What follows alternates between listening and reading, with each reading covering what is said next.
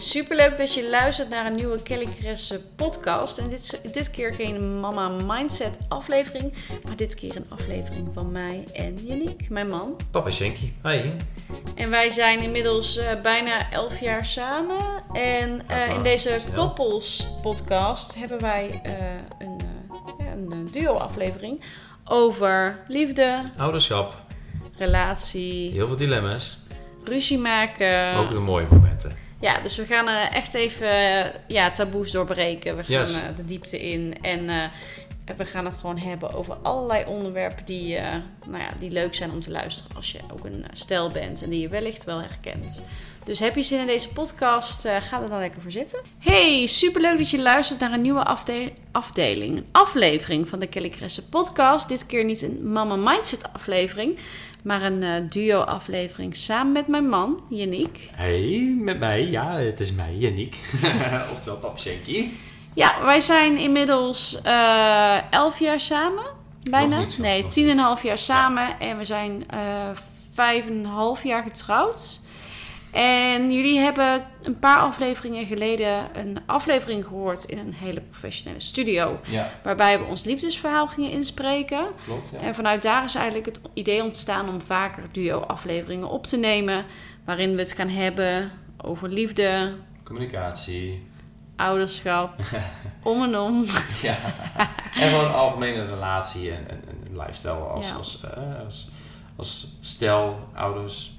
Ja, en we gaan eigenlijk terug in de tijd. Ehm, want soms, sommige mensen volgen ons al heel lang en weten misschien niet meer. Hè, want ik heb in het verleden in video's wel opgenomen hoe wij bijvoorbeeld de keuze maakten om jong ouders te worden, hoe dat allemaal is gegaan. Maar dat is misschien voor sommigen zo lang geleden dat ze dat niet hebben meegekregen. En in video komt het er ook wel weer heel anders over.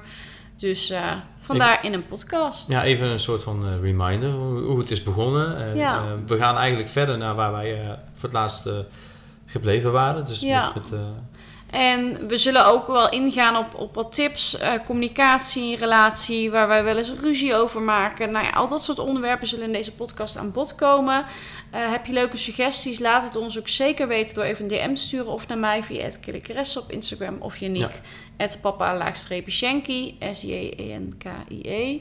Dus dat is alleen maar leuk, jullie input. Maar eh, ja, we gaan even verder. We waren dus gebleven dat we eh, op date waren geweest. We hadden verkering. En we proberen in deze aflevering in ieder geval in te gaan op het moment dat we kozen om papa en mama te worden. En hoe dat proces bij ons is gegaan. Want ik weet dat daar veel vragen over zijn. En dat is ook gewoon leuk om er even op terug te kijken. ja. Weet je nog hoe, ehm, hoe lang het eigenlijk heeft geduurd? Hoe lang onze relatie, eh, ehm, hoe lang wij een relatie hadden totdat wij op dat punt waren? Volgens mij 2,5 jaar. Toen gingen we samen wonen. Tweeënhalf jaar? Ja, wat dacht jij dan? Weet je zeker? Nee, volgens, mij, nog niet zo lang volgens hoor. mij was het anderhalf jaar. Waren wij anderhalf jaar samen. Ja, toen gingen wij samen wonen. Bij anderhalf jaar. Nee, 2,5 toen Lana kwam. Lana We komen daar later op terug. Maar Nou, ik denk maakt dat het veel jaar uit. geleden is. nee, ja, eh, volgens mij waren we wel echt al wel twee jaar samen. Dat we eerst, jij was veel weg voor je werk en eh, we woonden allebei nog thuis. En dat was in principe prima, maar op een gegeven moment wilden we samen wonen. En toen kregen Ja, we ons ja. eerste huurhuis, een appartement, ehm, waarvoor, waarop we hadden gereageerd. Eind november, weet ik nog, heel goed. Ja, 27 november kregen we de sleutel en 27 november sliepen we er ook voor het eerst. Want ik had natuurlijk geen geduld om een week te gaan verhuizen. En het huis was gewoon instap klaar. Ja, en ik had ook geen geduld, dus eh Ja. tilde je op over de drempel van, eh, van de deur.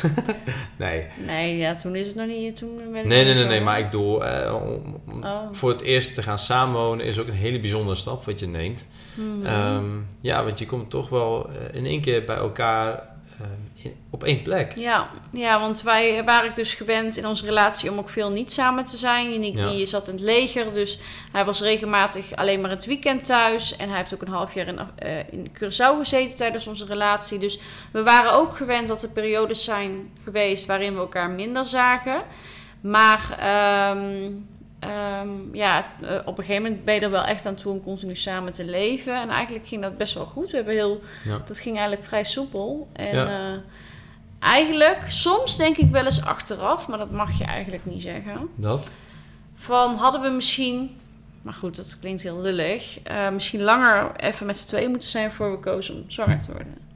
Nee, ik denk, ik denk het Maar- niet. Natuurlijk, als je zo terugkijkt, dan Dan, Maar dat is eh, meer dat je dat... Dat is een, gewoon een verlangen wat je hebt op het moment dat je... We zijn nu in deze periode ook constant met de kinderen. ja. En dan heb je een bepaald verlangen van... Oh ja, ja toen wij nog met z'n tweeën waren... eh, in die tijd was het nog echt... eh, in die tijd klinkt wel heel heftig, maar... ehm, ja, was het heel anders. Maar goed, ehm, ik geloof dat het gaat zoals het gaat. En op het moment waarop het ja, eigenlijk gebeurt... Ja, het moest ook zo zijn hoor. Het is niet dat ik daar spijt van heb, want daar is natuurlijk onze fantastische Lana uit ontstaan. Maar soms denk ik wel eens, wow, wat liep het Tuurlijk. misschien wel hard van stapel. Maar wij dachten ook, weet je, zwanger worden kan even eh, duren. Om even terug te gaan naar de geschiedenis. Ik studeerde sociaal-pedagogische hulpverlening laatste jaar. Ik ging afstuderen. En ik werkte bij de politie toen destijds. En jij werkte al best wel lang met volwassen mannen die ook al kinderen hadden. Dus jij was er al eerder aan toe, toch? Ja, ik was al, ja, al vrij lang aan toe. Want ik, ik werk vanaf mijn achttiende werk ik al fulltime ergens. En nou ja, vanaf mijn achttiende, negentiende bij Defensie. En ehm, ja, ik heb altijd een, een stabiele eh, inkomen gekregen. Een, een prima baan eigenlijk. Eh, waardoor je weet van, oké, ik heb al wat zekerheid. En ja, weet je, als het gebeurt en ik heb een relatie met een, leuke, eh, mooie vrouw. En ik heb een goede ehm, band en, en het, klinkt, of, het, het klinkt goed en het voelt goed, ja, dan ben ik er gewoon klaar voor. En ik was er eigenlijk heel snel klaar voor. Ja, jij wilde heel graag papa worden, hè? Ik heb wel gezegd, voor, voor mijn dertigste wil ik al papa worden. Ja. Ja. Ja, dus eh, nou ja, toen eh, was het moment dat ik eigenlijk dacht van oké, ik ga gewoon het, het normale riedeltje af, zoals dat van je verwacht wordt. Dus je gaat je diploma halen, je HBO-papiertje, dan ga je een baan zoeken. En het is niet zo dat per se mensen om me heen dat per se van mij verwachten hoor, maar ik dacht zelf dat dat het plaatje was. Eh, een baan zoeken, een goede baan, dan ga je daar fulltime werken, dan ga je een vast contract krijgen, dan ga je op een gegeven moment trouwen, misschien een huis kopen en dan is het tijd voor baby's. En toen dacht ik daarover na, toen dacht ik, nou dan zijn we vijf jaar verder of zo. Dat is niet hoe ik mijn leven wil, v- eh, wil vormgeven. Ik wil eigenlijk nu al mama worden, of in ieder geval op kortere termijn dan dat termijn. En toen dachten wij op een gegeven moment van we kunnen gewoon kijken of het lukt om eh, zwanger te worden, hè, hoe lang dat duurt. We zien het wel. Ja, je En- had natuurlijk een relatie met mij, dus, dus, dus standaard huweltje is allemaal meteen verloren. Hoezo? nou ja, omdat ik zelf ben opgevoed met Ja, je bent Met niet per se alles behalve standaard, zeg maar. Ik ben ook in mijn jeugd in, in, eh, gaan verhuizen naar, naar Afrika. Dus Mhm. ja, die Ja, dat klopt. ik mee. Maar het is niet zo dat jij mij over hebt gehaald of in die, in die trant. Nee. Maar ik, ik had wel zoiets van: oké, ik kies er toch voor om mijn leven niet volgens dat riedeltje te leiden. Dus laten we het loslaten. En als er al een kindje mag komen, dan is dat helemaal welkom.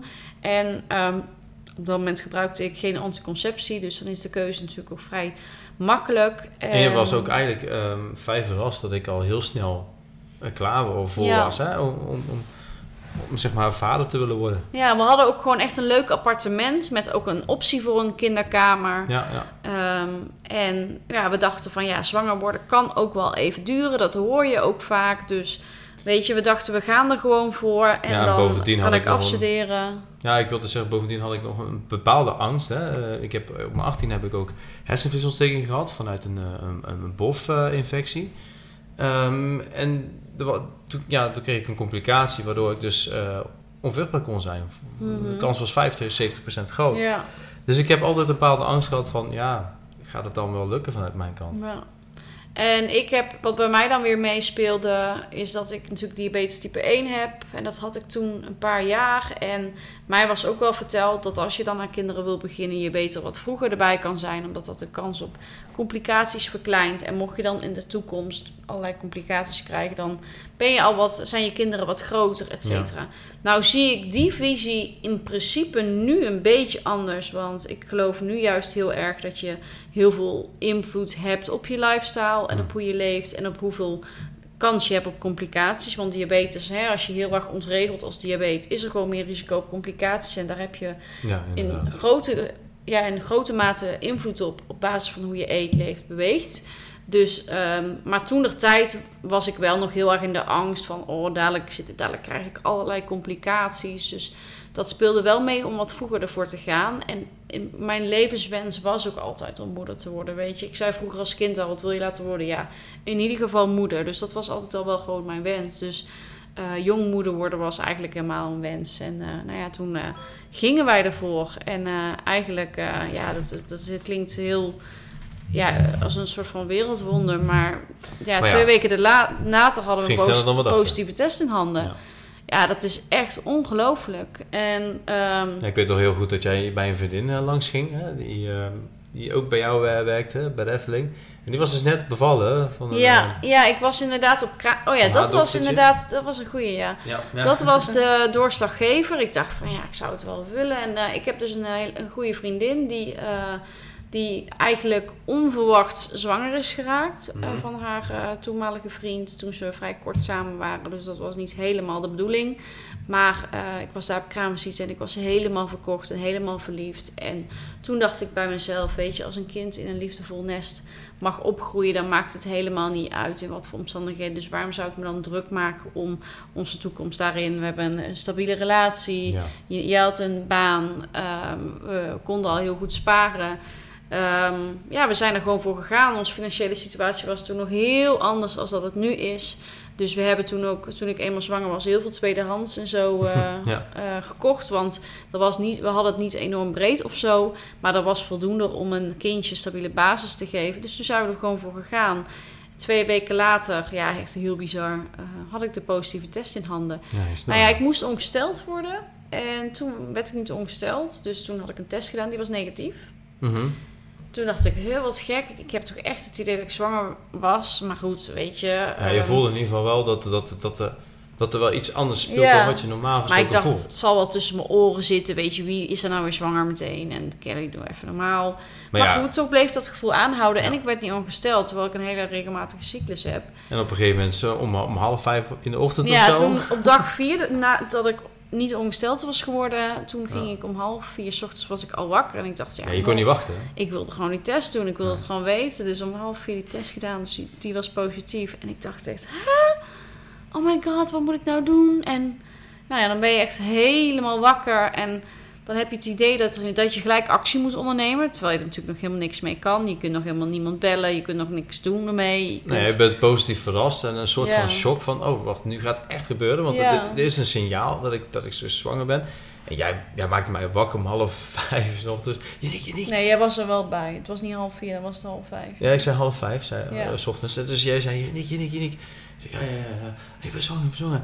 Dus ik was nog een beetje slaperig en het kwam het ook niet echt meteen bij mij door. Maar op een gegeven moment eh, was ik ook natuurlijk, eh, ja, kwam het, landde Ja. het nieuws bij mij ook. En toen dacht ik van, oh, wauw, wauw, wauw, nu gaat het beginnen. Ja, maar dan denk je echt, ja, wat nu? Want ja, je kunt de huisarts bellen en die denkt, ja, gefeliciteerd meid, leuk voor je. Maar eh, ja, je kunt voorlopig nog niks doen. Dus op een Ik gegeven heb moment, helaas geen Oh, overeenkomstige mijn Siri locaties eh, gaat erop af. Dat is helemaal nieuw, ja. Ehm, dus eh, nou ja toen, ehm, ja, toen was het zover. En toen was ik heel bang dat het mis zou gaan. Heel onzeker. Alles googelen. Ik wist niet wat er op me afkwam. Is toch de eerste keer.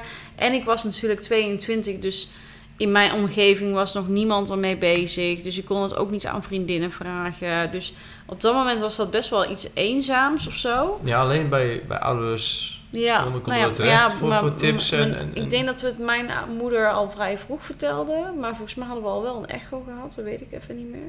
Ehm, Maar die was ook, ik vond het best wel spannend om het aan mijn ouders te vertellen op Ja, de volgens mij was zij vijf weken zwanger, of niet? Nee, ik weet het niet. Dus ik liet Ja, mijn moeder die test zien van eh, Moeders voor Moeders.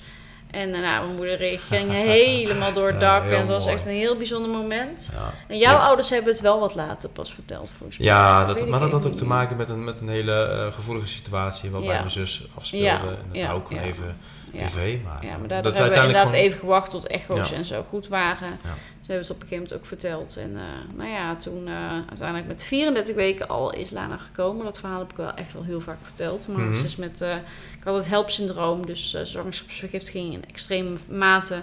En wij zaten eh, eh, in ons appartementje. Ik hoogzwanger. We hadden, net, we hadden een bruiloft gehad dat Ja, ik weekend. wil net zeggen, we hadden net echt net een feest. Dus ik was wel heel moe en ik had heel erg buikklachten. Ja, je was wel flink aan het dansen gegaan. Ja, Als, ja, eh, ja, ja, ja. alcohol of geen alcohol? Nee, maakt allemaal niks uit. Ik kan net zo, gek, net zo gek doen. Ja. Maar toen dacht ik, goh, het, gaat toch, het zit toch niet helemaal goed. En Ja, ik- toen zei ik- ik, van, misschien moeten we toch het ziekenhuis bellen. En toen zei hij, nee, het Ja, was ik- zondagavond. Zei, Nou, ik ben blij dat je me niet, niet naar mij geluisterd hebt. Dat zeg ik niet Ja. vaak, maar Ja. ehm, die dag eh, ja, je zei van, nou, ik heb een beetje last van onder mijn eh, BH-rand, Ja. hè, zeg maar daar.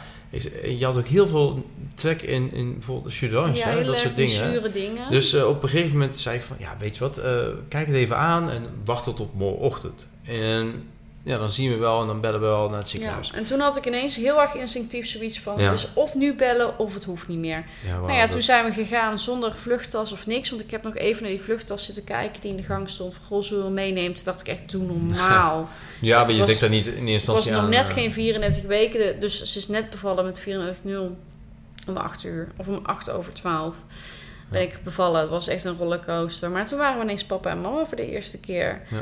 En eh, nou ja, laten we in een volgende podcast hier verder op ingaan. Hoe dat allemaal ging en hoe, eh, hoe we onze relatie veranderden door het moeders- en vaderschap. Dus dat is wel een leuk onderwerp voor een volgende keer. Ja, ik ben ook wel benieuwd wat, wat jullie eigenlijk, eh, ehm, de luisteraars nu, hoe zij dat, dat hebben ervaren. Hè? Ja. Wat betreft onzekerheden. Waren jullie zo onzeker tijdens een eerste zwangerschap? Of viel van mee? Of wat deden jullie om, om wat gerustiger gevoel erbij te krijgen? Ik ben er wel benieuwd naar. Ja, ik ben ook heel erg benieuwd. Dus mochten jullie leuke eh, ja, reacties hebben op deze podcast, laat het zeker weten door even een DM te sturen naar ons op Instagram of naar mij, het Killikres of naar Yannick Papashenki. Ehm, en heb je leuke suggesties voor onderwerpen, laat het ons zeker weten. We willen zeker ook taboes aanhalen. Ja. Eh, dus ook ja, ruzie, communicatie. Weet je, we zijn absoluut geen perfect stel. We hebben veel meegemaakt samen. Veel mooie ups en ook downs. Eh, dus dat is wel heel mooi om over te praten, denk ik. Dus laat het zeker weten als je een bepaalde onderwerpen hebt als suggestie. En we willen één keer per week of eens per twee weken... we kijken even hoe het qua timing uitkomt. Ja. Een nieuwe podcastaflevering delen. Ik ben benieuwd wat jullie ervan vinden. Ja. En in ieder geval, eh dankjewel voor het luisteren naar ons eh, verhaal. Ja, heel erg bedankt voor het luisteren. Vond je deze aflevering waardevol? Maak even een screenshot, deel hem op Instagram, tag mij, het Killikresse en het Papashenki. Vinden wij natuurlijk super leuk als jullie dat willen doen, want zo kunnen we deze podcast meer bekendheid geven. En wij vinden het super leuk om te zien wie er luistert. Dus als je dat wilt doen, dan help je ons enorm. Eh, laat een review achter via iTunes wat je van de podcast vond. Ehm, daarmee help je mij ook. En als je dat allemaal niet doet en je hebt gewoon geluisterd en je bent nog steeds aan het luisteren, dan ben ik je ook super dankbaar. En Janiek ook, eh, dat je erbij bent. En eh, we vonden het heel erg leuk om dit samen op te nemen. En we zijn benieuwd wat jullie ervan vonden. Dus eh, Ja, tot veel plezier keer. nog met, en veel plezier nog met wat je nu aan het doen bent. Ja, fijne dag nog. Dag. Doei.